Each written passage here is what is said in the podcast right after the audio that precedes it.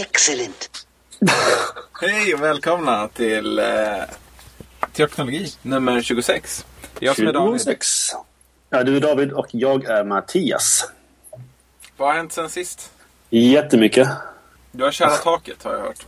Det är sådär kul. Men det måste göras om man har papptak. Så är det. Det har vi. Men det är rätt skönt. Att eh, smyga upp på taket och stå där med rollen. Smeta ut kära. Man får bra solbränna om inte annat. Ja, precis. Riktigt varmt och otrevligt. Jag har haft semester. Den är snart slut. Ja, Eh, och jag har eh, haft det väldigt bra. vad har ni gjort? Mer än vad jag trodde. Jag trodde det här skulle bli en väldigt så här, stillsam semester. Det blev det väl en, Eller det har väl varit en del av det också. Men vi har rest en del och sådär. Mm. Vi spenderade en vecka i Prag inte minst. Det var väldigt lyckligt. Just ja. Jag vet inte om jag sa det faktiskt tidigare här. Nej, jag tror inte det. Nej, jag gjorde kanske inte det. Vi var ju hemma redan då. Eh, Mm. när vi spelade in förra. Alltså, Eh, jag, Men det var otroligt lyckat med, med Prag. Jag kan bara rekommendera det. Det är mycket Allting är väldigt billigt där. mm. Eh, men det är bra standard liksom på hotellrum. I alla fall där vi bodde var jättebra. Liksom. Och, Mm. eh, Det är billigt att äta ute. Det är gott. Liksom. Ja, Och det är en vacker stad. Det är en väldigt vacker stad. väldigt vacker stad. Det finns otroligt mycket att se eh, Mm. och, och, och njuta av. Så. Ja, nej, det är varmt rekommenderat. Så passa gärna på eh, fortfarande nu när det fortfarande är billigt. Liksom. Och så. Det var det i och för sig för nio år sedan när jag var där sist. Ja. men men eh, ja, man vet ju aldrig. Vi åkte dit med gymnasiet. Eh, tror det var... Nej, trean på gymnasiet åkte vi dit med klassen. Mhm. Då köpte jag eh, ett, eh, en trerätters för 400 kronor. Det Det- är nog samma idag faktiskt. Ja. Mm. Det var vansinnigt gott. Kommer jag ihåg. Det tyckte jag då i alla fall. Men då hade jag väl eh, inte lika utvecklad eh, smak som jag har nu. Men alltså grejen är den, jag använde... Det var också rätt trevligt. Jag använde Lonely Planets iPhone-guide Ja. i Prag. Istället för att skaffa den här lilla pocketen så skaffade jag iPhone-versionen. Vilket har fördelen då att, att det är mycket lättare för att man kan ju, det här hade jag faktiskt inte riktigt koll på sen tidigare, men det är jättebra att veta om att GPSen på iPhonen kan man använda även fast man inte använder internet när man är utomlands. Eh, så att man drar inte datatrafik bara för att man använder GPSen. Nej. Nej, det är kanske självklart, men det var inte det för mig. Eh, och Lonely Planet-appen bland annat då eh, kommer med en karta över Prag. Mm. Eh, och kan använda GPSen och visa var man är. Eh, och inte minst visa intressanta ställen runt omkring där man är. Mm. Eh, till exempel restauranger eller annat. Så vi använde faktiskt oss av den vid ett par tillfällen när vi hade varit ute och tittat på grejer. Och ja, men vad går vi och äter? Nu är klockan mer än vad vi hade tänkt. Ja, då hittade jag närmsta McDonalds. Ja, precis. Nej, men då, då letade jag upp eh, någon pizzeria liksom, som inte låg så långt bort och som hade fått väldigt bra betyg. Och sådär. Och så gick vi dit åt. Liksom. Det är kanonbra sätt att... Ja, och även de lite dyrare ställena är fortfarande billiga om man tänker svenskt. Liksom. Mm. Så det är... Ja, åk dit. mm. Men eh, Dunkin, Dunkin Donuts fanns i Prag när jag var där sist. Det vet jag inte. Det, det, har, det var inget jag tänkte på. Det är gott. Ja, jag har ätit i Berlin på Dunkin' Ja. Donuts. Men inte, inte i Prag. Nej. Däremot Starbucks fanns det en hel del av. Eh, och jag gillar en del av deras drinkar. Mm. Så det var trevligt. Gött. Mm. Ja, vi har också haft semester. Vi har kört, eh, haft bilsemester. Ner till eh, vänner och släkt i Göteborg och Skåne. Vad roligt. Och det roligaste var att när vi... det är sånt här man inte ska erkänna på eh, nationell radio, höll jag på att säga. Eh, när vi åkte hem från Skåne Mm. och eh, stannade en polis oss. Jaså? Det förut att vi hade körförbud på bilen. Va? Och det har jag fått veta då att, eh, att bilprovningen har slutat eh, skicka ut papper. Eller i alla fall, då skickar inte allt ut papper längre. De tyckte inte det behövdes. Liksom. Nej, tydligen inte. Så att eh, vi har haft körförbud sedan i... Ja. november. Nej, men, ja, det är helt sjukt. jaha. De kan liksom inte, de kan liksom inte smsa, men de har ju både mitt mobilnummer, de har en e-postadress. Varför, ja. Helt De bort. tyckte bara inte det behövdes liksom.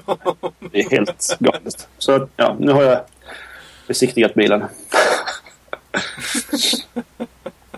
Och det gick bra. ja. mm. Grattis. Det var dock inte den största behållningen med semestern. Eh, och det är bra. Mm, det var ju tur att det inte var det. Yes. Ja. Ehm, Vi har en massa datarelaterat i länkarna idag, men inte bara. nej. Men den första kan jag ta då. Ja, ska vi, ska, vi, eh, ska vi lova oss själva och våra lyssnare att vara ganska snabba med datadelarna så vi kan prata mer? För du har något att säga som inte är data och jag har Ja. också lite sånt. Jag har det.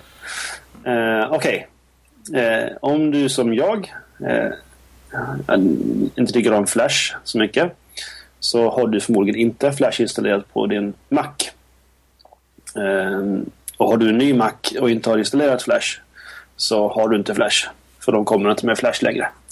Ehm, men ibland så stöter man ju på eh, vissa hemsidor eh, och videos och sånt där som inte kan visas om man inte har Flash. Och då har jag eh, Google Chrome.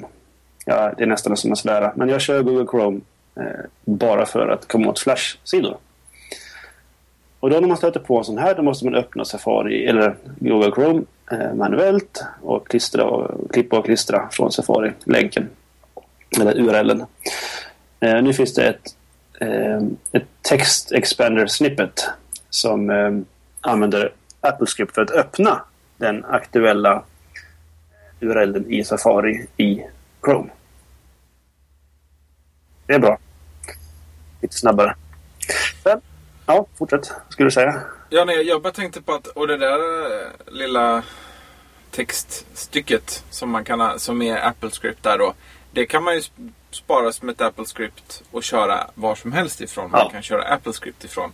Eh, så använder du Keyboard Maestro som jag använder då går det att knyta till tangentbordskommando där som är specifikt för Safari.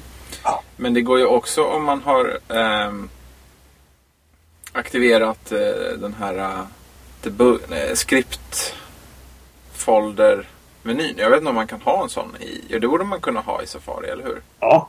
Den här skriptfoldern. Ja. Om den är aktiverad, då kan man lägga in skriptet i den foldern för, för Safari. Och sen så kan man gå in i systeminställningar under tangentbord där man kan göra kortkommandon. Om man då skriver exakt vad det Apple-skriptet heter som kortkommando och sen lägger man in eh, som namn då och sen lägger, menynamn och sen lägger man in sitt kortkommando vad man nu vill ha för tangentbordskombination. Då har man gjort det utan att använda Text Expander eller ens installera någon annan programvara. Mm. Eh, Det är ju faktiskt, alltså det är fascinerande hur, hur kraftfull macken är i sig själv. Okej, jag ska vara tyst. Sen eh, tycker jag ju om eh, eh, typografi och sånt där. Nu finns det ett spel som heter Kern Type. Som går ut på att du ska kerna eh, text. Skitkul. Eh, om du tycker om sånt så eh, rekommenderas det. Sen eh, har jag en länk till ett program som heter Clipstart. Eh, det kommer en ny version här i Mm, den här månaden. 1.5. Ehm, och Clipstarter är i princip eh, iPhoto för video. Mycket, mycket enkelt. Du kan inte redigera särskilt mycket men det är alltså ett, ett biblioteksprogram för videos. Och där lägger vi in alla eh, videos som vi tar med våra kameror. Eh, fungerar skitbra. Du kan tagga allt om du är av den, den sortens människa som tycker om att tagga saker. Hos, hos David, Ja, det gör jag inte längre. nu längre, men ja, du har gjort det. Eh, framförallt så är det, ett väldigt smidigt sätt att komma åt eh, videos på ett smidigt sätt. Eh, och det, det som händer är att när du importerar dem så, så sorteras de efter år, månad och datum i mappar. Där du väljer att de ska samlas. Och sen kommer du åt dem i ett trevligt interface i programmet. Mm. Eh, sen nästa länk, det är en, eller nästa två länkar, de har med vår tro att göra. Den första länken är en länk till eh, en man som jag tror att jag har länkat till förut. Han, Mm, det har du. Richard Beck. Och har en blogg som heter Experimental Theology. Och han har skrivit en artikel som heter The Buddhist Face. Där han eh, pratar om att han ser att många människor som på något sätt, eh, alltså många kristna som får ett, eh, vad ska man säga, problematiserat förhållande till sin tro. Eh, på ett eller annat sätt. eh, går igenom en, en fas när de gillar buddhism. och ehm, han har själv gått igenom en sån, sån fas och han ehm, tar upp fyra punkter då som eh, är influenser som man har tagit med sig från den, eh, den fasen i sitt eh, kristna liv. För han, han tänker fortfarande att den fasen i hans liv, det var en kristen fas. Alltså han blev inte buddhist. Och kanske han till och med skulle säga att man kan vara buddhist och kristen samtidigt.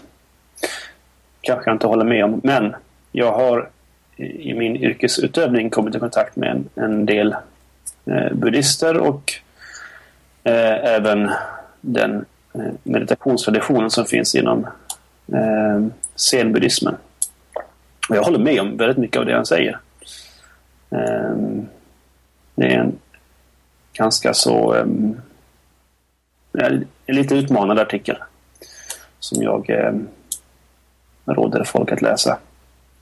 Och det handlar inte för mig alls om någon slags synkretism utan det är mer en, eh, en påminnelse kanske om att det finns saker i alla religioner som ibland påminner om varandra. Ibland kan de belysa varandra på ett bra sätt. Men i det här fallet så tror jag att det ligger djupare än så. Att det finns någonting eh, i buddhismen som är allmänmänskligt snarare än, än religiöst. Och, ja.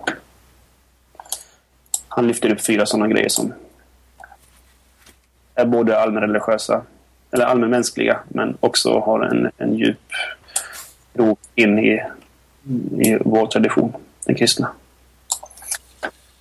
Sen eh, har det ju pågått en debatt i Kyrkans Tidning och i allra högsta grad på Twitter om eh, prästers utbildning.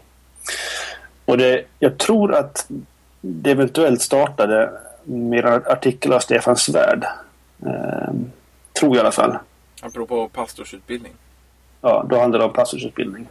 Eh, men han pratade även om Svenska kyrkans utbildningar, tror jag i alla fall. Eh, och då har det utmynnat i en debatt om eh, prästers utbildning i Kyrkans Tidning. Eh, och länken jag har lagt in nu det är en artikel som heter Präster lever i forntiden av Ludvig Lindelöf som är pastorsadjunkt i Göteborg. Prästvigdes i, i juni tror jag. Han är en vän på Twitter och eh, han skriver mycket smarta saker. Men jag håller inte med honom av, om den här artikeln och jag har haft lite samtal med honom också på Twitter eh, angående den. Eh, och som jag förstår honom så är mycket, alltså det han menar är att att både eh, den språkliga delen av utbildningen, alltså hebreiska och grekiska, ehm, men kanske också de historiska ämnena, kyrkohistoria, missionshistoria och, och dogmhistoria kanske, att de eh, inte är onödiga men att alla präster inte behöver um, så läsa dem. Och det är ju lite problematiskt tror jag. Uh, av flera anledningar. Uh, för det första så um, alltså den historiska kopplingen för, för oss tror jag är A och O. Inte bara för att utan historien så har vi ingen Jesus. Han är ju i historien också. Um, men också för att eh, ur kyrkan kan ju lära oss oerhört mycket. Och inte bara de första kristna som fanns med i, i apostlagärningarna och breven utan Um, alltså kyrkofäderna och eh, mödrarna och ökenfäderna och alla de stora teologerna från ja, första århundradena. Uh, och sen är frågan om alla måste vara specialister på, på det och det tror jag väl inte alls. Men att man måste ha eh, mer än bara en aning om den teologiska utvecklingen för att kunna ge svar på frågor som man får som präst. Ehm, tror jag är viktigt. Vad, vad tror du om den här debatten, David? Ja, alltså... Eh, som det har varit och väl är fortfarande så behöver man bara läsa det ena av de två grundspråken. Och man kan få undantag? Och, ja, man kan få undantag. Oftast på grund av dyslexi. Mm. Eh, alltså det är, ju, det är ju då hebreiska och antik grekiska, alltså inte det man pratar idag i Grekland. Det är Nej. de två språken som Bibeln är skriven på. Gamla testamentet på hebreiska, väldigt olika dialekter. Vad sa du? Och arameiska. Precis. Eh, också Nya Testamentet på koiné-grekiska. Ah. Eh, man behöver bara läsa ett av dem. Och jag tyckte att den största förlusten i min pressutbildning var att jag inte såg till att läsa lite grekiska i alla fall. För jag mm. läste hebreiska. Mm. Eh, och inte då att jag valde fel språk, utan jag tycker att jag, man behöver ha båda. Ja. Så jag köper inte det här snacket överhuvudtaget om att man inte ska behöva grundspråken. Det finns, alltså hela vår tro, alltså allt vi vet om Jesus eh, kommer från Bibeln. Mm. Och, och, allt som vi liksom har som utgångspunkt för diskussion och tro i kyrkan är från Bibeln. Mm. Eh, så för mig blir det helt absurt att vi skulle ta bort sånt som är så viktigt. Eh, och jag tror att man gör det därför att man underskattar vikten av grundspråket. Man glömmer bort hur mycket man har tagit, hur mycket, hur mycket känsla det ger för språket och förståelse som, som man inte har annars. Liksom. Mm. Jag tycker inte just det som står, som Ludvig skriver också, eller som Ludvig citerar att någon annan sa, alltså att en församlingsbo skulle kunna fråga sin präst vilka konnotationer det grekiska ordet har det händer nästan aldrig att det är en aktuell fråga och jag tycker inte det är en särskilt viktig sak. Nej. Utan jag tycker det handlar mer om att, eh, man, att, att det, där ger, det där är en del av en process som leder fram till den person som man blir. Liksom. Mm. Och att det är en viktig del av ens fördjupning och reflektion. Mm. Som kristen, att, eh, att liksom läsa Bibeln på grundspråk. Mm. Är, det är, jag tycker det är o, alltså oerhört viktigt. Jag tycker att eh, man ska läsa båda språken. Ja. Och jag tycker att man kan skära i andra delar av utbildningen istället. Jag... Och höja kvaliteten överhuvudtaget. Faktiskt.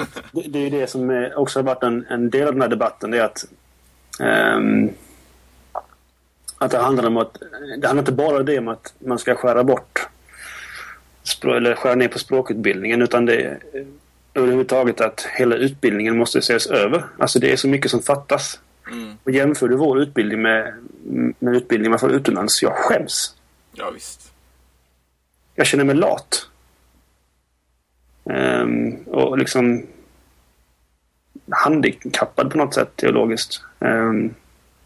Det är ju för kort utbildning. Jag tror det är mycket det.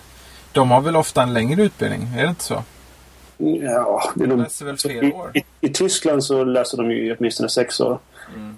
Eh, I USA så... Eh, där, jag vet inte om det är bara att de har högre krav. Eh, men på de... Alltså de, eh, kanske inte på... Jag vet, alla är stora där såklart. Men alltså i de samfunden i USA som ligger närmare oss när man är mer präst än pastor, eller man ska säga. Mm. Ehm, de utbildningarna de är ju inte så mycket längre än våra. Eh, vad jag har sett i alla fall. Eller inte alls längre. Men de läser mycket, mycket mer. Just och, och framförallt läser de um, de läser både de historiska ämnena men också väldigt mycket um, som jag fattade gränsöverskridande. Så att det är liksom um, uh, ämnena korsbefruktar varandra mer. Mm. Um, och också att det är mer hantverkskurser. Vi har väldigt lite kurser i vad det är att vara präst, alltså hantverksmässigt mm. i vår kyrka. Eh, som till exempel eh, homiletiken. Jag vet inte, men har vi ens högskolepoäng i, i, i homiletik? Nej, jag tror inte det. Nej, det där är ju ett pinsamt svagt kort med tanke på hur viktigt predikan är i luthersk tradition och så har vi så otroligt lite av det. Ja. Det Och är ja, jättemärkligt. vägledning och själavård. Det är inte heller särskilt mycket. Och jag tycker inte man ska börja specialisera sig i religionspsykologi för att eh, lära sig mer om, om själavård. Nej. Och såklart så lär man sig mest av själavård när man faktiskt bedriver själavård. Men Man behöver kunskaper. Precis. Ja, jag håller med. Jag håller med. Det, det är väl där det sitter snarare än någon annanstans. Att det Ja. är, det, utbildningen har innehåll för lite kvalitetsmässigt. Samtidigt frågar man sig om det är någonting väldigt svenskt det här. Eh, För menar, jag, jag vill inte påstå att jag pluggade jättehårt under utbildningen. Jag har eh, så pass lätt för mig så att jag behöver inte göra det. Um, och men jag ändå frågar mig själv, skulle jag orkat mer? Än, än, äh, än det vi hade. Alltså inte bara i längd utan i, i intensitet. Skulle jag orkat mer? Um, än det vi faktiskt hade. Och jag vet inte. Um, Men det där är lite, det där är lite av en kuggfråga också. Därför att man anpassar sig efter omständigheterna som, som man lever under. ja, och, och det då frågar man är Har vi i Sverige anpassat oss? Alltså har vi, är vi lata? Men det, det är samma sak om du... Eh, jag har en del släkt och vänner utomlands och när man pratar med dem om, inte bara om utbildningar utan även om hur deras arbete ser ut. Det är ju jätteskillnad. Och det, där kommer ju frågor som arbetsrätt in också såklart. Eh, att vi har ett stort arbetsskydd, eh, arbetarskydd i Sverige. Men eh, alltså inom... Eh, läkare i Sverige de jobbar ju mycket. Men i jämförelse med läkare utomlands, Tyskland och i USA. Det är liksom...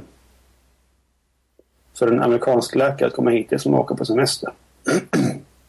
Nästan. Ja. Ja, det är intressant men jag tror det är mycket som spelar in också med klimatet man är i till exempel. Och hur tydliga arbetsuppgifterna är definierade och det är mycket sådana här andra. Alltså mycket som är med i, i vad som gör en bra arbetsmiljö och vad som gör att man orkar ett visst tryck och sådana här saker. Vi- har ju ett dåligt arbets... Vi har ju en väldigt dålig arbetsmiljö i Svenska kyrkan. Man ska tro forskningen. Typ sämst i Sverige.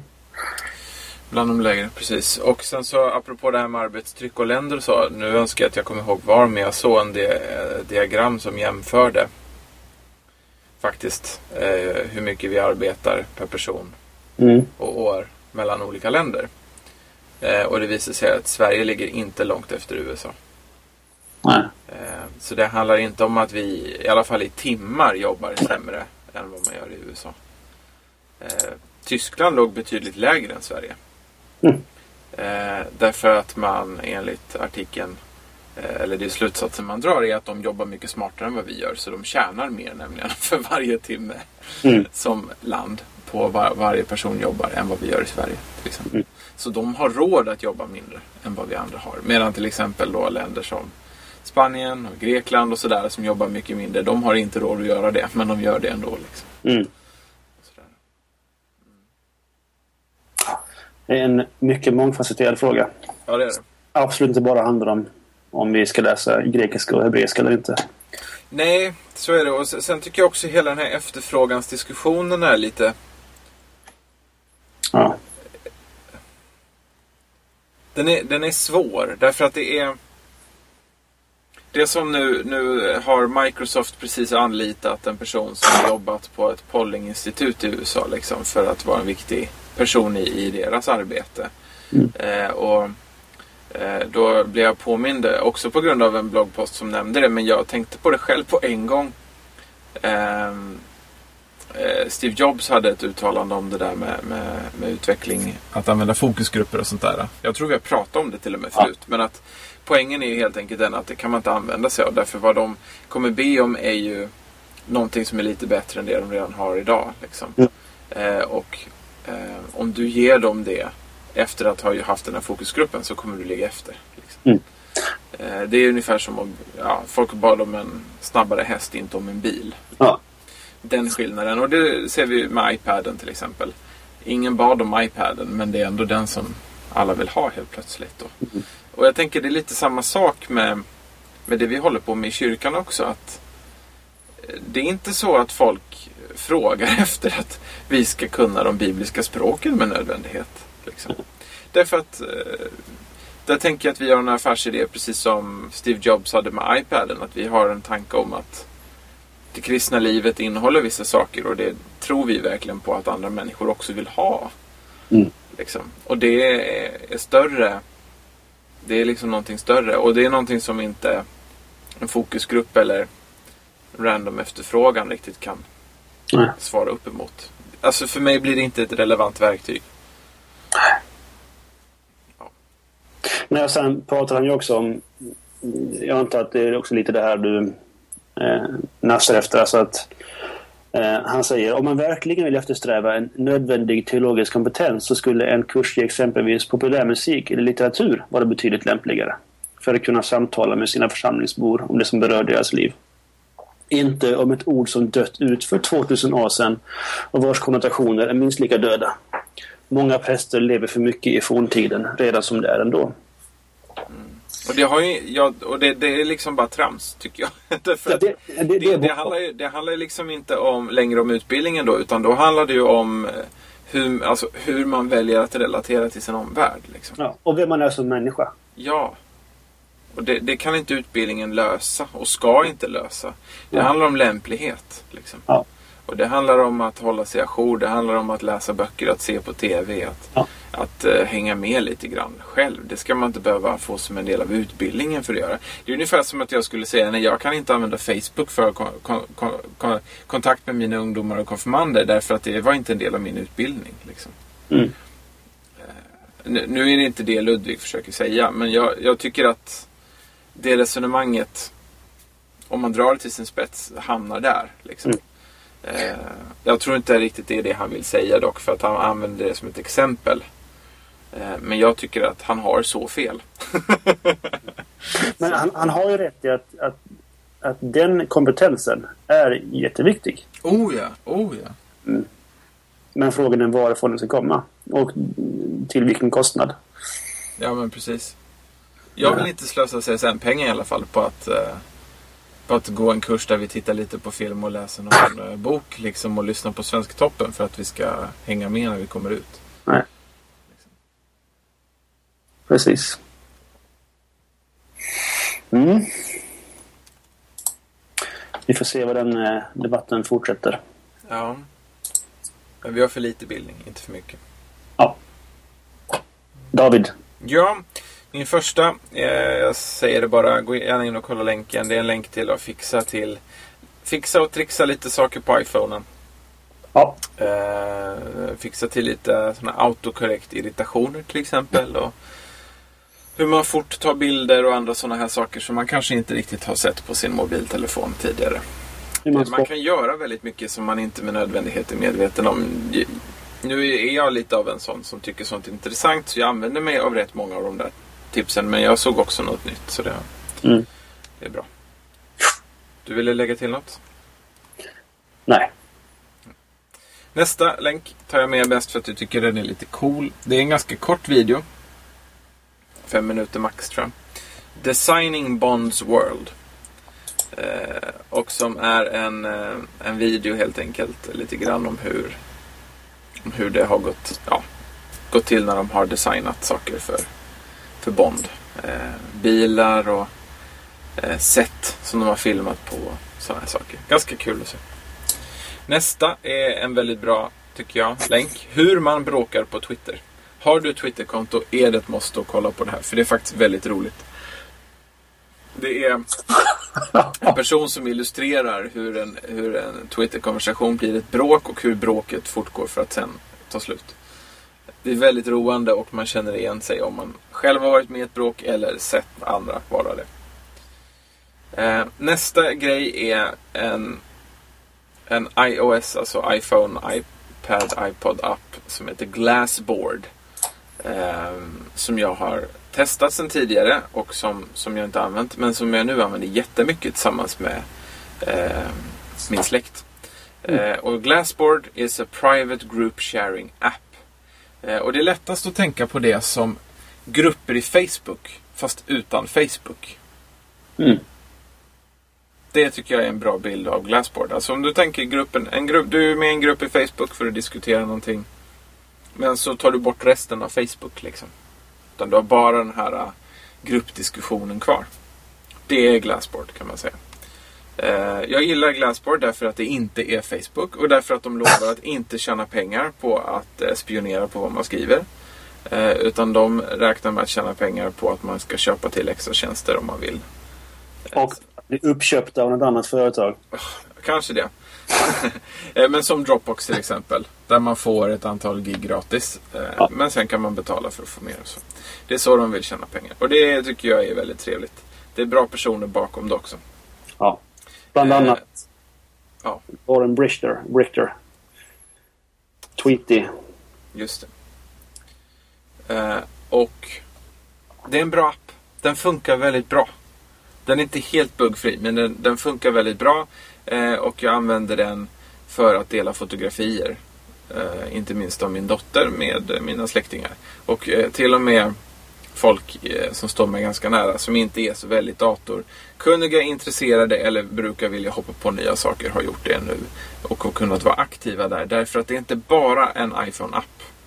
Utan du kan också logga in i ett webbinterface på nätet genom din webbläsare. Så man kan vara med även fast man inte ens har en iPhone.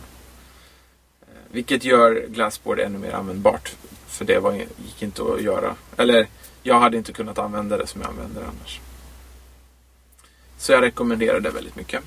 Mm. Eh, nästa grej. Eh, det är ju då en app då. Eh, som heter Sparrow.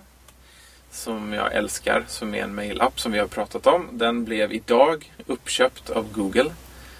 Och nedlagd. Mm, det suger ju väldigt hårt. Så vi får väl se vad som händer nu då. Eh, jag tittade genast på ett alternativ som jag laddade ner en trial för. Men jag tror inte jag gillar den. Men den heter Nej. Postbox. Men man kan ju titta på den om man vill. Och ja, kolla shownoterna för länk. Och då slog det mig med en annan app som jag bara måste nämna. Som är Tweetbot. Som är skitbra för iPhone. Det är den bästa Twitter-klienten tycker jag utan tvekan. Som jag har testat. Och jag har testat några stycken i alla fall. Eh, Det är den bästa iPhone-klienten. Men de håller nu på och gör en version för Macen. Så man kan gå dit och ladda ner deras alfa-version. För Macen. Eh, Och jag tycker att den i alfa-version redan är den bästa Oh ja. klienten jag använt. Så att den är... Ja, rekommenderas varmt att titta på. Mm. Det är bra. Då lämnar vi datagrejerna nu. Det gör vi. och går in på tre länkar som har med varandra att göra och som vi kanske pratar lite mer om också. Eh, vi har ju pratat, framförallt jag har pratat ibland om Seven Habits-boken som jag bara säger då. Eh, det är en bok som heter Seven Habits of Highly Effective People och som är en sån där självhjälpsbok och som i hög grad har bidragit till den där självhjälpskulturen som en del älskar och andra hatar. Eh, jag tycker ju att det här är en väldigt bra bok för att den eh, talar om principer och inte bara att eh, puffa upp sitt självförtroende genom att titta sig djupt i ögonen i spegeln och säga att man är bra. Eh, I och för sig kan det vara en bra teknik eh, att använda sig av. Men jag, jag tycker att det här är det här är bättre prylar. Han som har skrivit den, Stephen Covey, han dog väldigt nyligen. Eh, 79 år gammal. I sviten av en cykelolycka. Eh, och eh, ja, jag blev lite berörd av det och stötte på en bloggpost. Eh, av en person som har jobbat med honom. Eh, under, verkar ganska lång tid. Eh, och som skrev sin lärdom av honom. Och, och han skriver, hans rubrik då är Stephen Covey taught me not to be like him.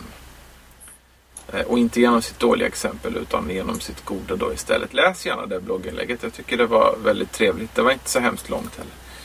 Så det kan vara värt att titta på. Eh, och så kommer vi till sista länken som jag tycker har med det här att göra. Också. Um, och det är Tony Schwartz som driver uh, något som heter The Energy Project. Och som handlar om att arbeta effektivt och spendera sin energi på rätt sätt. Uh, han blev 60 nyligen och uh, skrev här en artikel om de 12 mest viktiga lä läxorna han har läst sig så långt, lärt sig så långt i livet. Och det, de var intressanta, eller hur? Mm. Så vi tänkte prata om dem, va? Här gör vi. Det gör vi. Mm. Har du fått fram dem? Nu är de framme. Vad bra. Eh, ska vi turas om och läsa lite kanske? Det gör vi. Jag kan ta första. Mm. Rubriken är, eller principen. The more we know about ourselves, the more power we have to behave better. Ja, och det handlar ju om, om ödmjukhet. Att den är underskattad eh, som egenskap. Eh, det står att vi har en oändlig kapacitet för eh, själv... Eh, alltså att... Ja, precis. Bedra oss själva. Um, sätt som vi uh, använder för att undvika smärta och uh, skam och så vidare. Osäkerhet och ansvar. Mm. Ja. Och det stämmer väl. Mm. Det är kanske därför det är så oerhört bra att få prata med någon professionell människa som är bra på att prata. För då kan man lära känna sig själv. Och det är ju väldigt... Eh, det kan vara väldigt jobbigt. Jag vet, eh, under, min, under vår utbildning så gick jag i terapi eh, i ett... Det blev nästan ett år tror jag. Eh, och det var jättejobbigt. Men eh, oerhört bra. Eh, man, man lär, sig, lär sig se saker om sig själv som eh, man eh, ja, har skyddat sig själv från att se och upptäcka om sig själv. Som har både att göra med ens uppväxt och um, en syn på framtiden och på vem man är. Och så där. Det är sånt som påverkar både en själv och andra människor omkring en. Och när man lär känna sig själv så dels så tror jag att man Eh, upptäcker att man, man har liksom inget annat alternativ än att vara ödmjuk i förhållande till ja, både sin syn på sig själv men också kanske sin syn på andra människor omkring en. Att, eh, om jag gett mig själv så mycket spelutrymme eh, så kan jag väl också ge andra människor det. Alltså att istället för att döma andra människor utan att jag vet vilka de är egentligen så kan jag väl ja, låta dem vara som de är tills jag lär känna dem så pass mycket att jag faktiskt förstår varför de säger det de säger eller gör det de gör. Mm. Jag ja. tänker också bara själva det där ju mer vi vet om oss själva desto mer eh, kraft har vi att, att bete oss bättre. Mm. Jag har tänkt på det där en del den senaste tiden. För jag har haft sådana uppmuntrande ord skickade, fått mejlade till mig själv. Jag läser dem ibland också. Deletar dem inte bara från mailboxen alltid, men jag läser dem ibland. Och, eh, en del av de där, de har liksom inte sagt så mycket mer än att bara eh, om olika saker sådär bara eh, vara uppmärksam på det här hos dig själv. Liksom. Är det, gör du det här i ditt liv? Eller ja, sådär då liksom. Eh, och jag har tänkt på det ganska mycket just det här med att bara bara det här med att uppfatta saker hos sig själv leder till en förändring. Liksom. Mm. Alltså att inte ens försöka ändra något utan bara försöka uppfatta. Liksom. Um, som exempel. Eh, om jag liksom märker att jag håller på att bli arg i en situation till exempel. Eh, och är på väg att svara något. Eller kanske redan har svarat någonting till någon. Eh, och så låter jag mig själv bara reflektera över vad var det som hände? Varför reagerade jag så här? Liksom. Och bara att observera situationen som jag har valt att reagera på ett visst sätt i så kan jag ju lära mig någonting om mig själv. Liksom. Mm. Ja, men nu inser jag ju att jag sa så här mest på grund av någonting annat som jag hade gått och tänkt på hela dagen förut.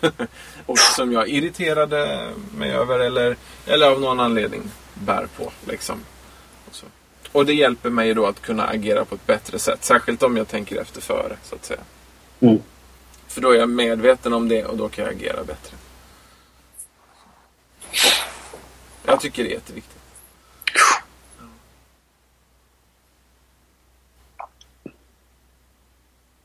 Mm. Mm. Vi fortsätter. Yes. Notice the good. Eh, jag läser den bara eh, rakt av också, resten texten. Här. We each carry an evolutionary predisp predisposition to dwell on what's wrong in our lives. The antidote is to deliberately take time out each day to notice what's going right and to feel grateful for what you've got. It's probably a lot. Ja. För mig är det, om jag läser en sån här punktad lista som den här, då är det den här punkten jag tar minst tid till att titta på. Ja. Varför då? Nej, men jag tänker att ja, men det måste man väl göra. Men det finns något mer intressant här. Ja, okej. Då stanna upp vid den här istället. Vi flyttade i höstas. Eh, Och när man flyttar till ett hus så eh, det är rätt mycket som ska komma på plats. Och det finns en, en del som ska fixas med. Och sånt där. Och det gör att man får en ganska lång eh, att göra-lista. Väldigt lång att göra-lista. Eller många listor framförallt. Um, och det kan vara ganska så... Um, alltså man kan bli ganska så nedtryckt av det. Av känslan att ingenting är gjort. Um, och då... Um, ja. Min fru, hon är mycket mer känslig för att saker inte blir gjorda än vad jag är. Tyvärr. så eh, hon mådde dåligt över att vi inte fick någonting gjort. Men då gjorde jag en lista på allting som vi hade gjort. Och allting som eh, funkade bra. Och ja, den här stämmer. Den här punkten. Det, det funkar verkligen. Alltså att, att våga se också det man har, det man har gjort. Um, och det är en sån här funktion som jag uppskattar i Things. Alltså den to-do-appen som både du och jag använder. Det är att man har en loggbok. Allting man ja, alltså klicka bort som att man har gjort det. Det sparas i en loggbok eh, som man kan titta i. Det är rätt ögon... Eh, vad heter det? Ögonlyftande? Vad heter det? Ja. Ja. Man, ja, Upplyftande.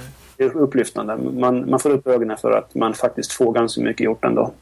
Det ligger mycket i det där. Jag har gjort det på mindre skala än vad ni gjorde. Till exempel på jobbet så har jag ibland känt att det, jag har inte gjort någonting idag. Mm. Eh, och jag kommer inte på något. Men då har jag bara suttit, ja men vad har jag gjort då? Så skriver jag ner det och så bara oj. Ja men Ja. det var ju inte så konstigt jag inte kände att jag hann så mycket mer. Den där uppgiften tog ju jättelång tid. Ja. Eller vad det nu var. Ja, så får man en förståelse för vad tiden har gått åt. ja. Och då mår man ju bättre. Och det är en sån där grej som jag saknar i, i OmniFocus. Mm. Eh, det finns inget arkiv. Jag gör det kanske inte, det har jag inte ens tänkt på. Men det var länge sedan jag slutade Ja. använda det nu. Ja. Mm. Yes. Nästa punkt. Let go of certainty. The opposite is not uncertainty. It's openness, curiosity and the willingness to embrace paradox rather than choose upsides. The ultimate challenge is to accept ourselves exactly as we are, but never stop trying to learn and grow. Hmm. Mm. Ja, det här, alltså. Jag vet inte om vi pratar om det här så mycket egentligen, men ehm, jag har ju varit, eh, eller jag är fortfarande, alltså när det gäller eh, teologi är jag väl delvis fortfarande, men har varit oerhört säker på att eh, jag har rätt. Ehm, och sådär. Och det är nog en- egentligen inte förrän jag började jobba som det där har släppt. Ehm, alltså att att våga kunna tänka tanken att andra också kan faktiskt ha rätt. Även om jag kanske ser att de har fel. Alltså att man behöver inte um, man behöver inte alltid vara helt säker på allting. Och man måste inte få ihop allting heller. Um, och det kan man ju givetvis applicera på fler områden än, än teologi. Antar jag. Kan man nog säga. en sån sak som jag pratade lite om, om eh, att jag hade mött buddhism i mitt jobb. Eh, eller åtminstone sådana ja, traditioner påverkade av, av buddhism. Det har ju att göra med att vi har ett samarbete med församlingar i Hongkong. Min församling. Ehm, delvis har det med det att göra i alla fall. Och det är en sån sak som jag har släppt ganska mycket. Ehm, eh, och det är en sån sak som skiljer mig från David. delvis. Alltså jag, jag, är liksom inte... Jag är inte rädd alls på samma sätt fortfarande för andra religioner. Ehm, det har jag verkligen varit. Och eh, jag tycker fortfarande att, att psykotism är en, en stor fara. Och inte bara det utan också något som är oerhört eh, kränkande för alla religioner som är inblandade. Men ehm, även om jag, jag känner mig eh, trygg i, i, min tro så innebär inte det att jag inte kan eh, lyssna på eh, ja, människosyskon i andra sammanhang, i andra eh, traditioner. Och lära mig saker av dem. Eh, och det har hjälpt mig väldigt mycket som inte bara som människa utan även som kristen. Eh, att ta del av eh, metoder, tankar, synsätt från ja, framförallt zenbuddhistisk tradition. Inte egentligen inte dogmatik utan mer principer och eh, ja, med just principer. Eh, sådär. Och det, jag tänker att det har gjort mig till en bättre kristen. Mm.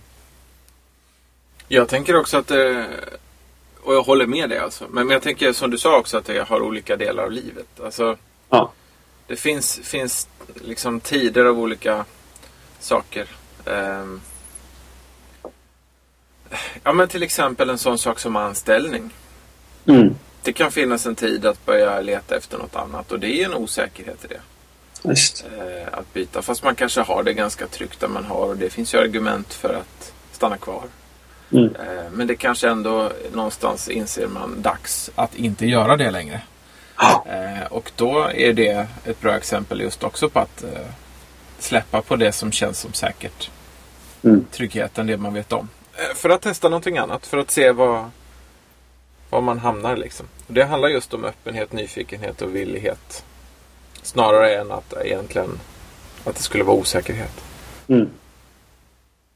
Jag tror också att det som kristen landar i en tillit till Gud också. Visst. Ja, det är en sån sak som min kyrka har sagt till mig många, många gånger. Eh, framförallt under mina första år i församlingen att eh, när det gäller gudstjänst att det,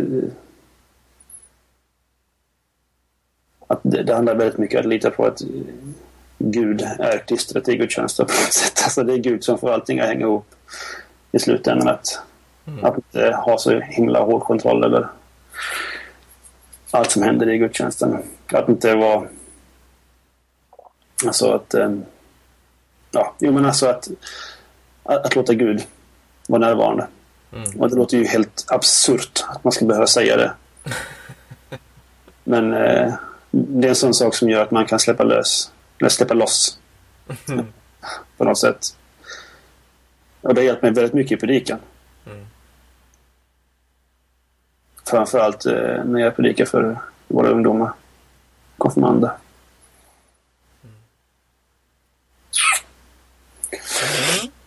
Yes. Fyran.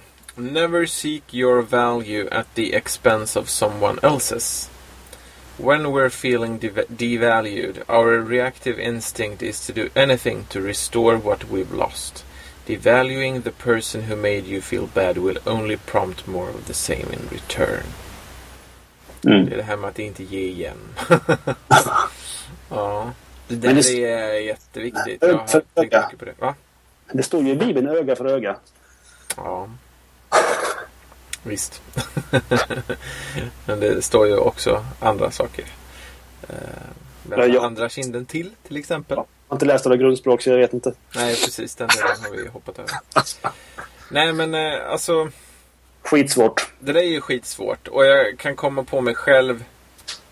Eh, och ha tänkt en, det, det där har jag faktiskt också börjat tänka lite mer på. Jag tror man har väl olika tider och sådär. Och, och så. Eh, jag, jag känner att jag har blivit påmind om det där lite grann. Att, att om man hamnar i en, en diskussion. Till exempel i arbetet. Eh, man sitter i ett möte. Man ska diskutera någonting. Jag vet ofta väldigt väl vad jag tycker. Jag är ganska snabb med att uttrycka det också. Ehm, säger någon något annat då så kan det bli en diskussion och jag är, inte, jag är inte särskilt krigisk eller konfrontativ så men jag är ganska rakt fram om vad jag tycker och eh, diskuterar gärna det liksom. Eh, och ibland, det liksom så, ibland händer ju då att det är något jag tycker det är väldigt viktigt också att vi ska göra eller, eller hantera eller ja, sådär.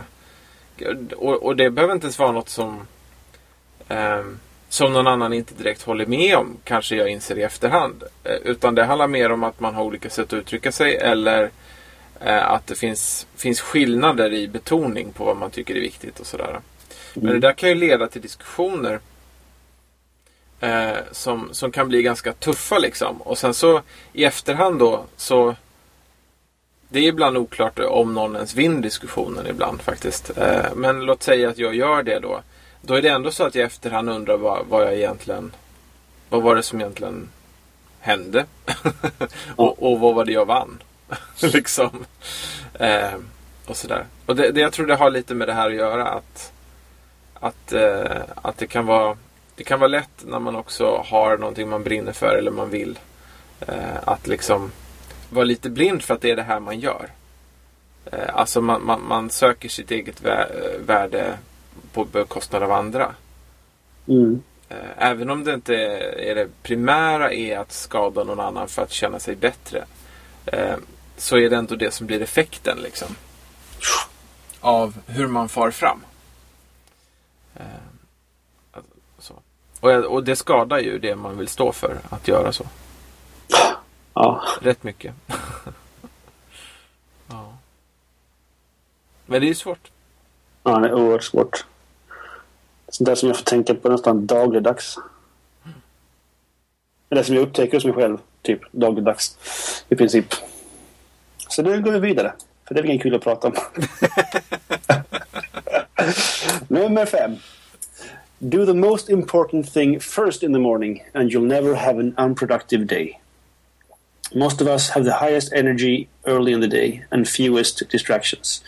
By focusing for a designated period of time without interruption on the highest value task for no more than 90 minutes, it's possible to get an extraordinary amount of work accomplished in a short time. Ja. Ah.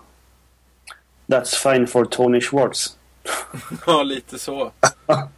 Vad händer om man har möten de första två timmarna på dagen? Liksom? Vad händer om man har två småbarn? Men jag möten också. Ja. Men visst, är det, det där är ju en bra princip att söka efter. att När man kan använda det på det sättet. Ja. Ja, alltså, här är jag lite... Alltså, i, ibland kan jag få oerhört mycket gjort på morgonen. Ehm, men oftast är det ju den här tiden på dygnet som jag får saker gjort. Det är ju efter, alltså när barnen har lagt sig. Mm. Ehm, Det blir liksom andra faktorer som avgör. precis.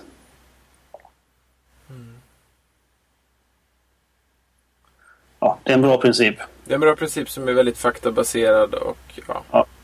vi fortsätter. Precis. Ja. Sexan.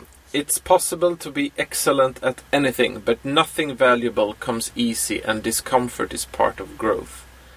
Um, getting better at something depends far less on inborn talent than it does uh, than it does the willingness to practice the activity over and over and to seek out re- reg- regular feedback. The more precise, the better. Det här har vi pratat om. Ja, det kopplar jättemycket till vår Deliberate diskussion practice. om... deli- Ja, exakt. Deliberate practice. Och att talang verkar vara väldigt eh, ointressant överlag. Mm. Utan det handlar just om att vara villig att göra det. Särskilt den svåra delen. Om och om, igen Ja. till man blir bra på det. Ja. Mm. Så den är också en vi inte behöver prata så mycket om nu kanske. Nej. Lyssna gärna på det avsnittet om deliberate practice. Vilket nummer det kan vara. Avsnitt. Uh, långsamt gick jag. Nu. En snabb googling så kommer de fram, fram här. Um, Fast då kommer jag fram till en artikel som jag har skrivit. Som finns mm. på hemsidan. Hör du. Vi måste göra om hemsidan. Så måste vi... Jag hittar inte det. Jag har rubriken här framme. Men man får eh, lyssna på alltihopa. Precis. Vi länkar till eh, artikeln i alla fall som jag har skrivit på hemsidan. Ja. Den lägger vi med. Eh, Så kolla där. Då läser du sjuan eller? Yep. The more behaviors you intentionally make automatic in your life, the more you'll get done. If you have to think about doing something each time you do it, you probably won't do it for very long. The trick is to get more things done using less energy and conscious self control. How often do you forget to brush your teeth? Har vi också pratat om när vi pratade om goda vanor. Precis. Eh, ja, vilket avsnitt det nu kan vara, men det är ett av de första. Ehm. ja.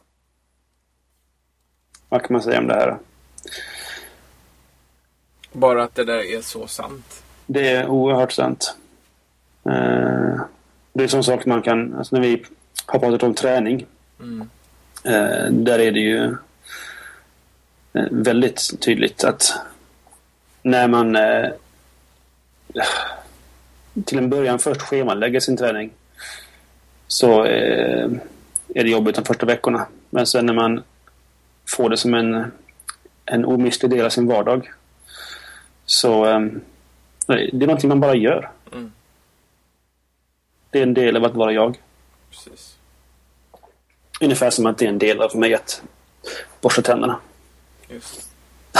Det kommer mer komplexa är med de större sakerna som just det där med gymmet. Eller för mig var det ju det om vi pratar om det. Ja. Och det handlar om att bygga ett, ett förtroende för en själv att man klarar Ja. av det också.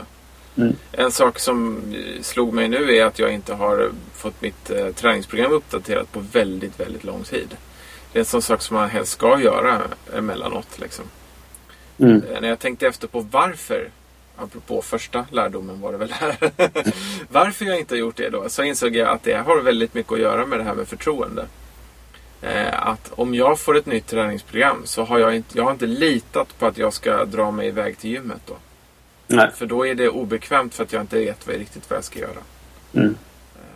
Jag tror jag har kommit över det nu. Men, men det är väldigt intressant när man börjar tänka över det här. Liksom. Och hur känsligt också med beteendena, det här med det automatiska. Och det var väl egentligen det jag ville belysa. Hur viktigt det är att göra saker eh, till sådana beteenden man bara gör. Men, Mm. men att också vara medveten om hur känsligt det faktiskt är. Oerhört känsligt. Jag hade ju en... Jag, när vi flyttade hit så började jag springa. Jag sprang tre, tre gånger i veckan. Eh, ja, alltså från slutet av oktober, tror jag. Eller mitten av oktober. Fram till slutet av januari. Mm. Och sen vart jag sjuk i ett par veckor. Eh, och jag har inte sprungit sedan dess. I princip. Mm. Ehm, så nu är det dags att börja igen. Ut med dig. det är ju så. Usch. På tal om det, att springa. Nummer åtta. Går vi åt andra hållet? Slow down. Speed is the enemy of nearly everything in life that really matters. It's addictive and undermines quality, compassion, depth, creativity, appreciation and real relationship. Ja, så är det. Stämmer väl? Ja, nej men alltså jag... jag det där, ja, jag tänkte på det... Hmm, det, det var inte här. Jag läste något annat som har med det här att göra. också. Men att det handlar ju väldigt off...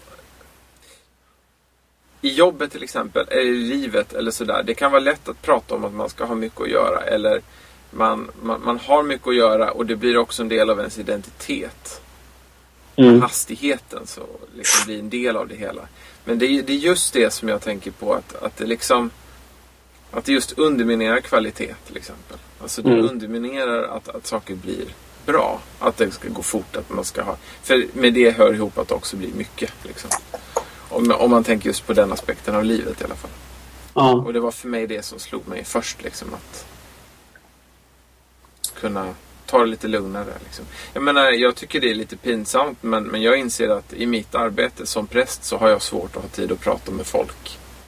Om Ja. det inte är så att de råkar finnas där precis när jag har tid att prata med dem. Eh, gärna, eh, helst ska de vara ungdomar där, för då finns det ju tid. För att det är verksamheter jag har. Liksom. Ja. Men, men eh, om det kommer någon och ringer på dörren och jag är ensam i, i, i huset och öppnar och någon behöver prata. Eh, då kan det vara riktigt tufft för mig att hinna det. Det blir mycket stresshormoner.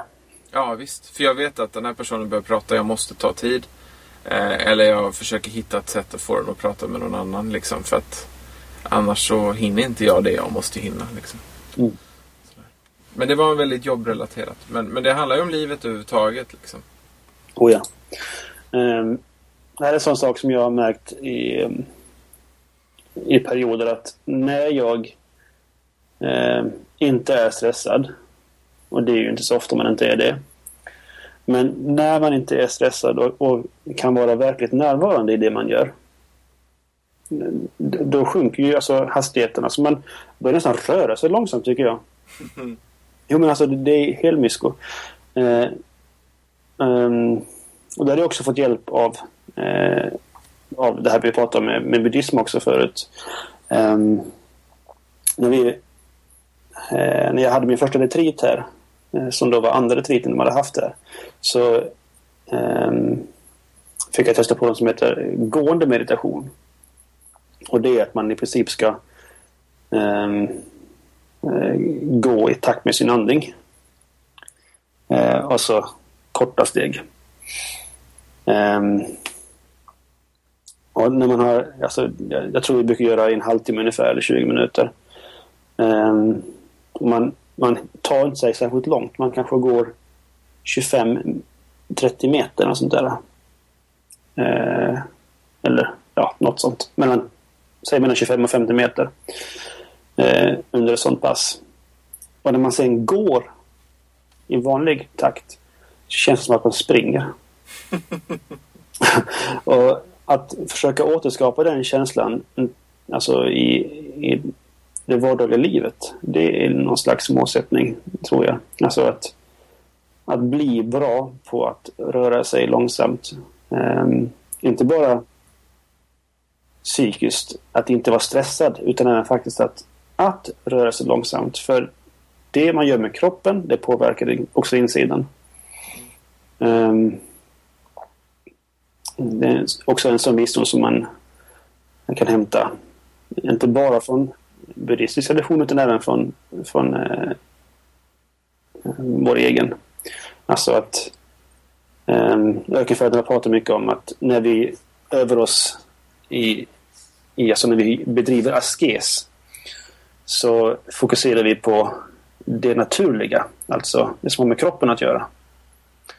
Ehm, och när vi övar oss i kroppslig askes så gör vi också samtidigt en inre eh, askes, en inre övning. För det yttre påverkar det inre. Och tvärtom givetvis. Ehm, ja, Så är det. det är en viktig punkt. Nian. The feeling of having enough is magical. It rarely depends on how much you've got. More is rarely better. Too much of anything eventually com- becomes toxic. Mhm. Det där är, det där är svårt. För mig är det svåraste, tror jag. Känslan av att ha nog. Ja. Ja. Eller, det är inte både och. Alltså, jag tror att jag vet intellektuellt att jag behöver ingenting. Egentligen. Men det är sen som man började jobba och kunde ha lite mer... Alltså, så man faktiskt har råd att köpa saker. Mm. Så är det nästan som att man har en skyldighet att göra det. Eh, och det har givetvis med vårt sjuka samhälle att göra. Så att det, det är en konsumtionskultur. Absolut. Och bara att saker är tillgängliga gör att vi vill ha dem. Ja. Vill köpa dem. Vill äga. Och det märker man ju ofta att det är eh, alltså besvikelse när man öppnar ett paket som man har beställt från någon internethandel. Och sånt där. Det, det ger ju inte alls den eh, glädje som man trodde. och det är sådana saker som man kanske borde lära sig. Mm. Och eh, de grejer jag har som ger mig mest glädje. Eh, det är sånt som jag har ägt väldigt länge. Som gitarr till exempel som börjar bli 20 år gammal. Eh, jag har aldrig haft någon annan gitarr än den. Och just den här att att inte ha så mycket saker utan kanske framförallt ta hand om det man har. Alltså vårda. Um, på samma sätt som vi, vi har fått uppdrag av Gud att vårda skapelsen så har vi också ett uppdrag personligen att ta hand om de saker vi äger. Mm. Och det är en sån sak jag alltid har försökt. Ta hand om mina skor och eh, ja, alla grejer jag äger. Så att man kan sköta om själv. Det vill jag gärna sköta om själv. Bilen och allt sånt där. För det så lär man sig både massa saker. Man eh, lär sig ganska mycket om sig själv när man ligger under en bil och det inte går bra. Då lär man sig mycket om sig själv kan jag säga. Tålamod och, och sånt där.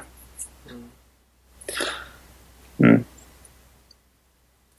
Jo, nej, men det där är ju, det är ju viktigt. Särskilt som du sa också i våran kultur. Jag tror att det är inte bara är du och jag som tycker att det är svårt med det. Nej. Utan det är nog, det är nog en, en mycket större sak. Mm. När man hela tiden blir eh, påmind om, oavsett om det nu råkar vara så eller inte, att det finns något som fattas i ens liv. Mm. Liksom.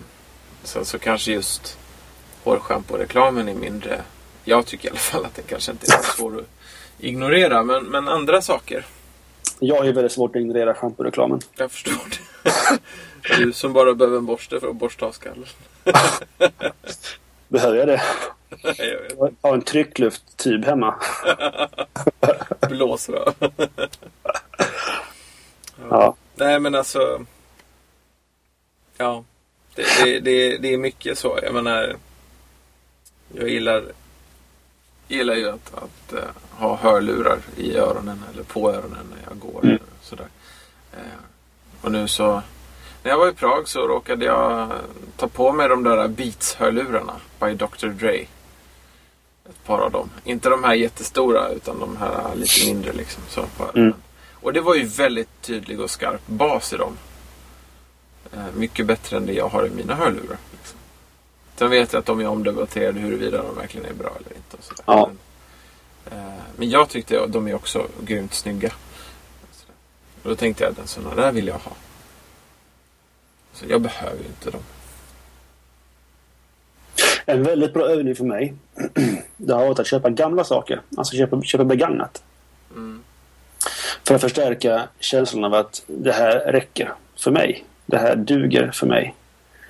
Um, alltså, jag menar, vet inte, vi har ja, två av våra mackar är jättegamla. Eh, åtminstone en av dem använder vi. Min eh, datorskärm, den är... Hur gammal är den? Den är över tio år gammal. Eh, alltså att medvetet köpa saker som inte dög för andra. Eh, det har varit en bra övning för mig. Mm. Så att inte behöva det senaste. Inte, inte tillåta mig själv att um, ge efter för den typen av begär. Alltså att vilja ha det värsta, det senaste. Alltid. Men det handlar inte det också just mycket om ja, att det handlar om att söka det man faktiskt behöver. Mm. Eh, och när det är det man gör och det är det man skaffar. Då börjar man närma sig känslan av att ha nog. Mm. Därför att det är det man behöver man har och det är det man har fokuserat på att skaffa. Och när man har det så räcker det. Mm. Liksom. Och när det, när det blir allt det här andra i reklamen inte minst. Men, men det blir en del av vår bild av lycka, av framgång, av glädje.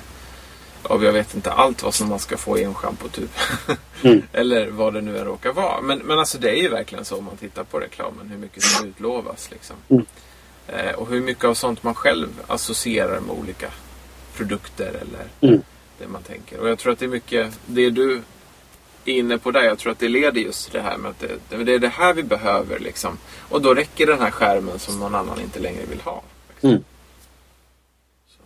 Och, eh, och men det finns många fördelar med att köpa begagnat eh, eller gamla saker. Det är oft, oftast är det bättre kvalitet på det också så det håller längre än vad en ny sak skulle göra.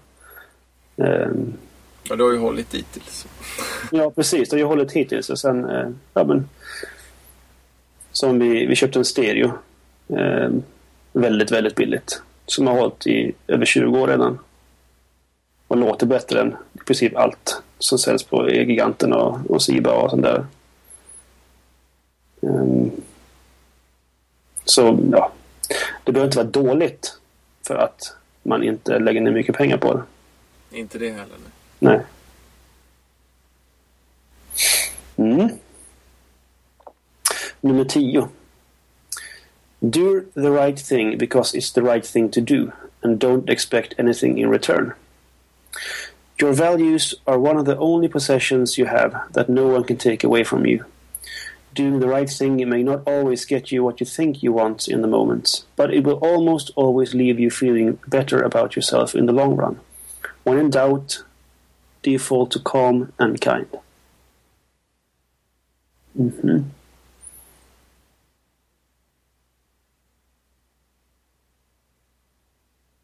Ja, den, jag vet inte, den här...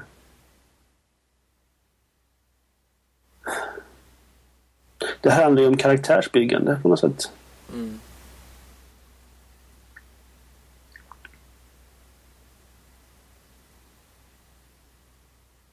Det, det, är- det är ju också så helt rätt. Liksom.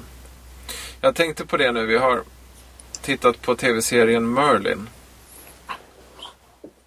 Och den som så många andra tv-serier bygger ju på att det händer saker som gör tillvaron komplicerad. Mm. Och inte sällan är ju det val som handlar just om att man väljer att inte göra rätt. Men man har goda intentioner. Mm. Ehm, I Merlin till exempel så kan det handla om att man väljer att inte berätta någonting som någon annan har gjort eller sagt. Eh, För att man vill inte störa, man vill inte vara till besvär eller vad det nu råkar vara. Och så blir det en del av problemet, liksom att den informationen inte kom fram. Mm. Ehm, likadant, det, det är så i fler tv-serier. Det är ganska ofta sådär att det, att det av någon anledning är så att någon lovar att inte säga något eller gör någonting eller sådär.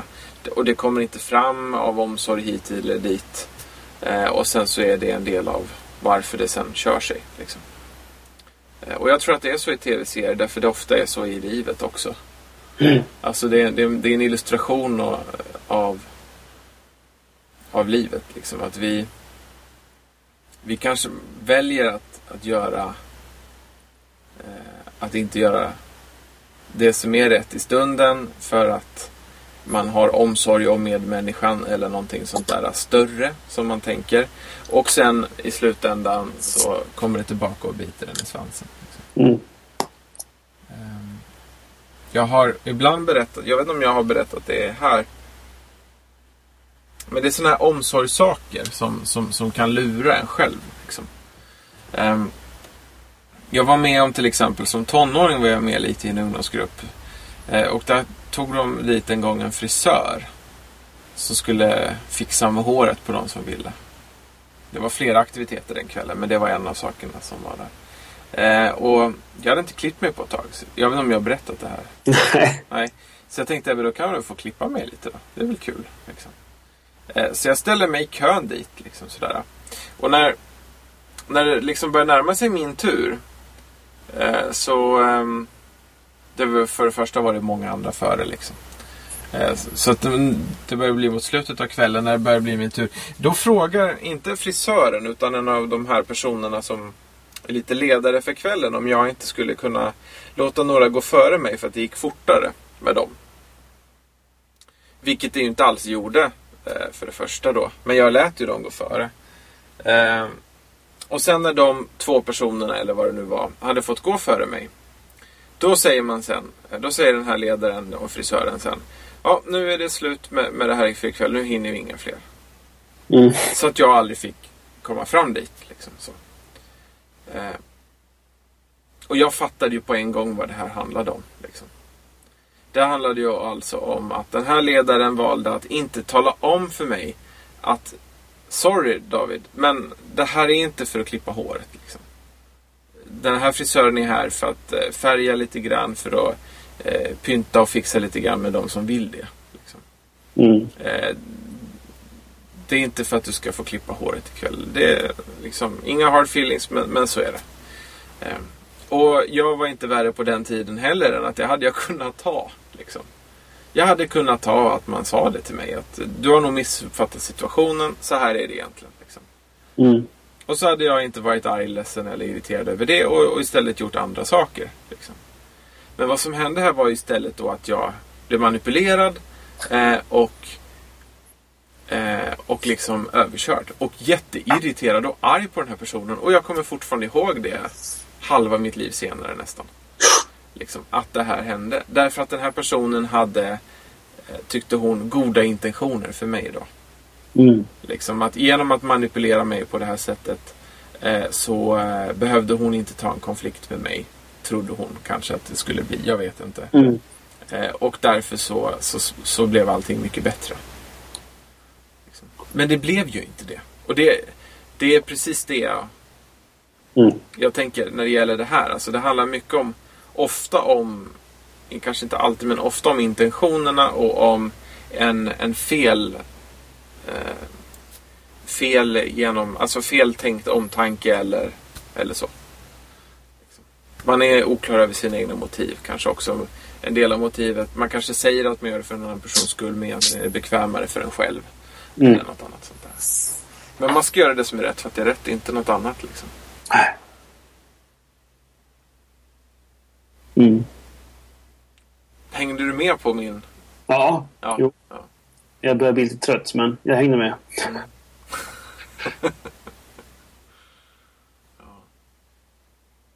Ja.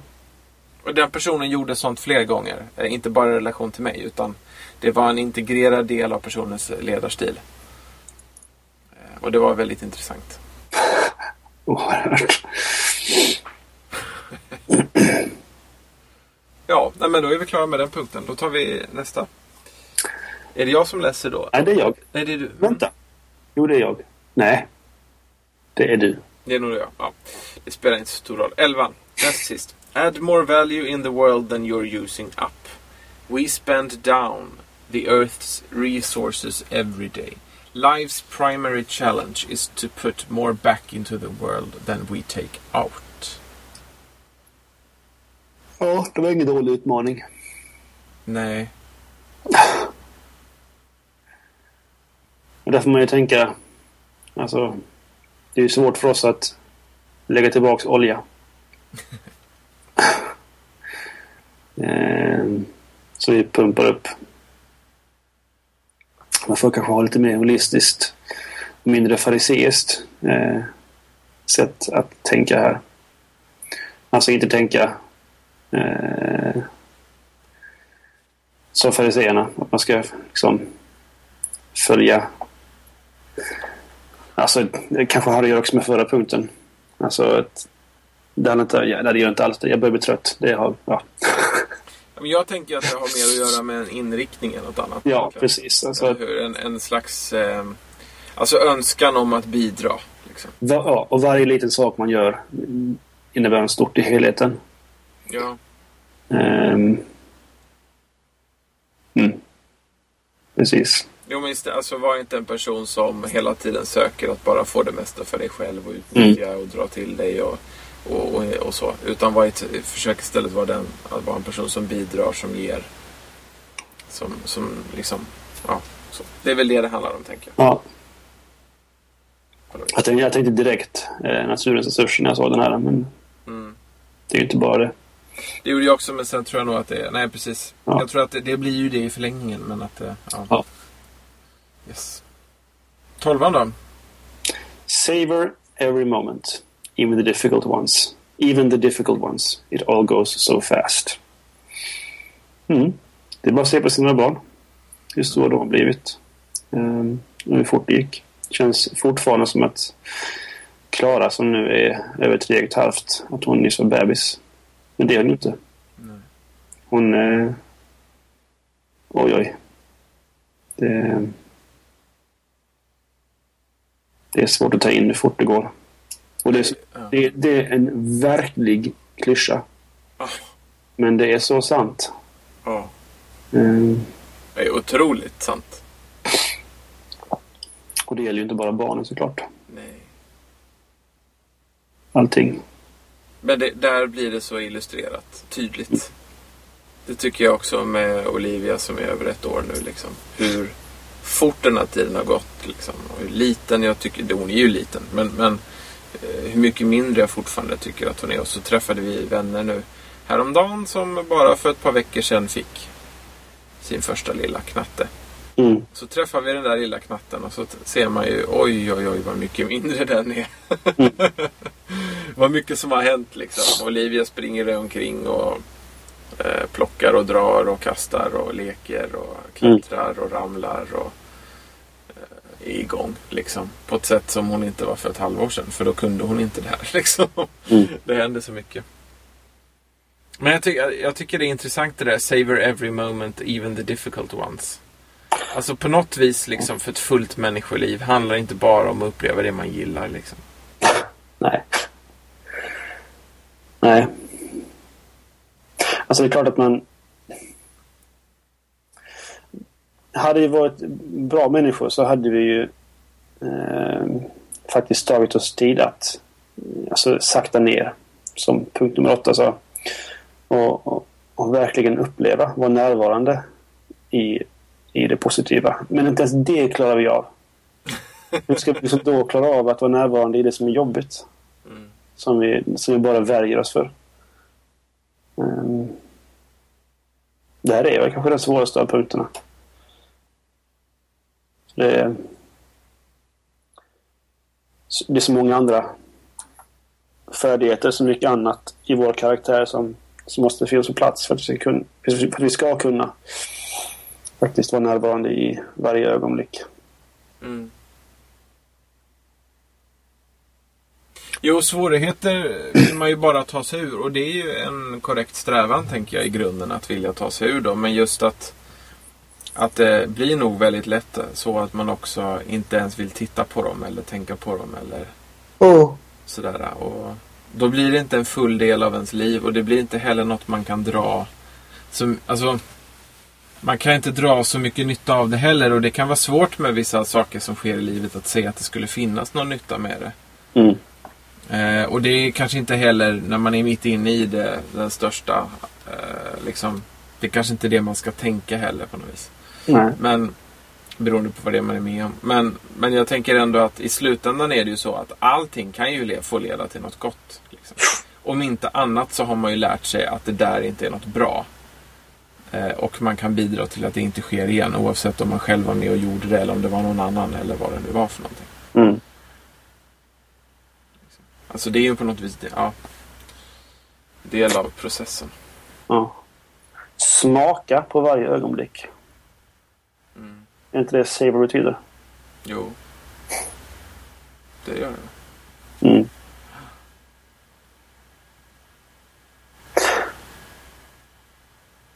Det var ett långt ögonblick att smaka. Vi är långdragna.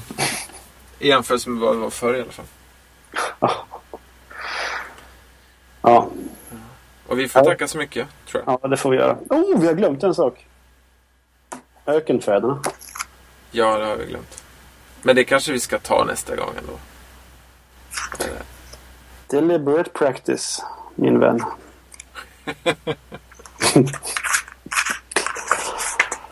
Det är bara att det är Det din här- tur att läsa. Det här är vår askes, David. Ska- Hur långt har vi kommit? Spänna vågen. Vi har läst 16. Mm. Visst ja. Jag tror det är det som var förra. Okej, då är det nummer 17 då, då. Och vi läser om Abba Antonius. Det står så här. En gång kom några fäder till Abba Antonius och Abba Josef var med dem. Abban som ville pröva dem för, förelade dem ett ord ur skriften och började fråga från de yngsta vad som var meningen med det skriftordet. Var och en talade efter sin förmåga men Abban sa till var och en Du har inte funnit någonting. Till slut sa han till Abba Josef. Vad säger du att det här ordet betyder? Jag vet inte, svarade han. Då sa Abba Antonius. Abba Josef har verkligen funnit vägen när han säger Jag vet inte. Hm. Det knöt ju ganska bra ihop. Ja, det får man. Och det var ju precis eh, det här med ödmjukheten, första punkten. Ja, och det här med att ta tid också. Ja. Han läser ordet och sen frågar han vad betyder det här? Och då Ja. ska man genast svara också. Ja. Ja, och det handlar också om det här med att inte vara så himla säker på sig själv hela tiden. Nej, precis. Bra, men då säger vi hej då. Det gör vi. Tack för den här veckan. Du hittar oss på att, att teoknologi på Twitter. Teoknologi.se Och du kan gärna mejla till reagera teoknologi.se om du vill. Mattias heter att Turfjäll med TH och FJE. Och jag heter Silverkors. Godnatt. Så gott.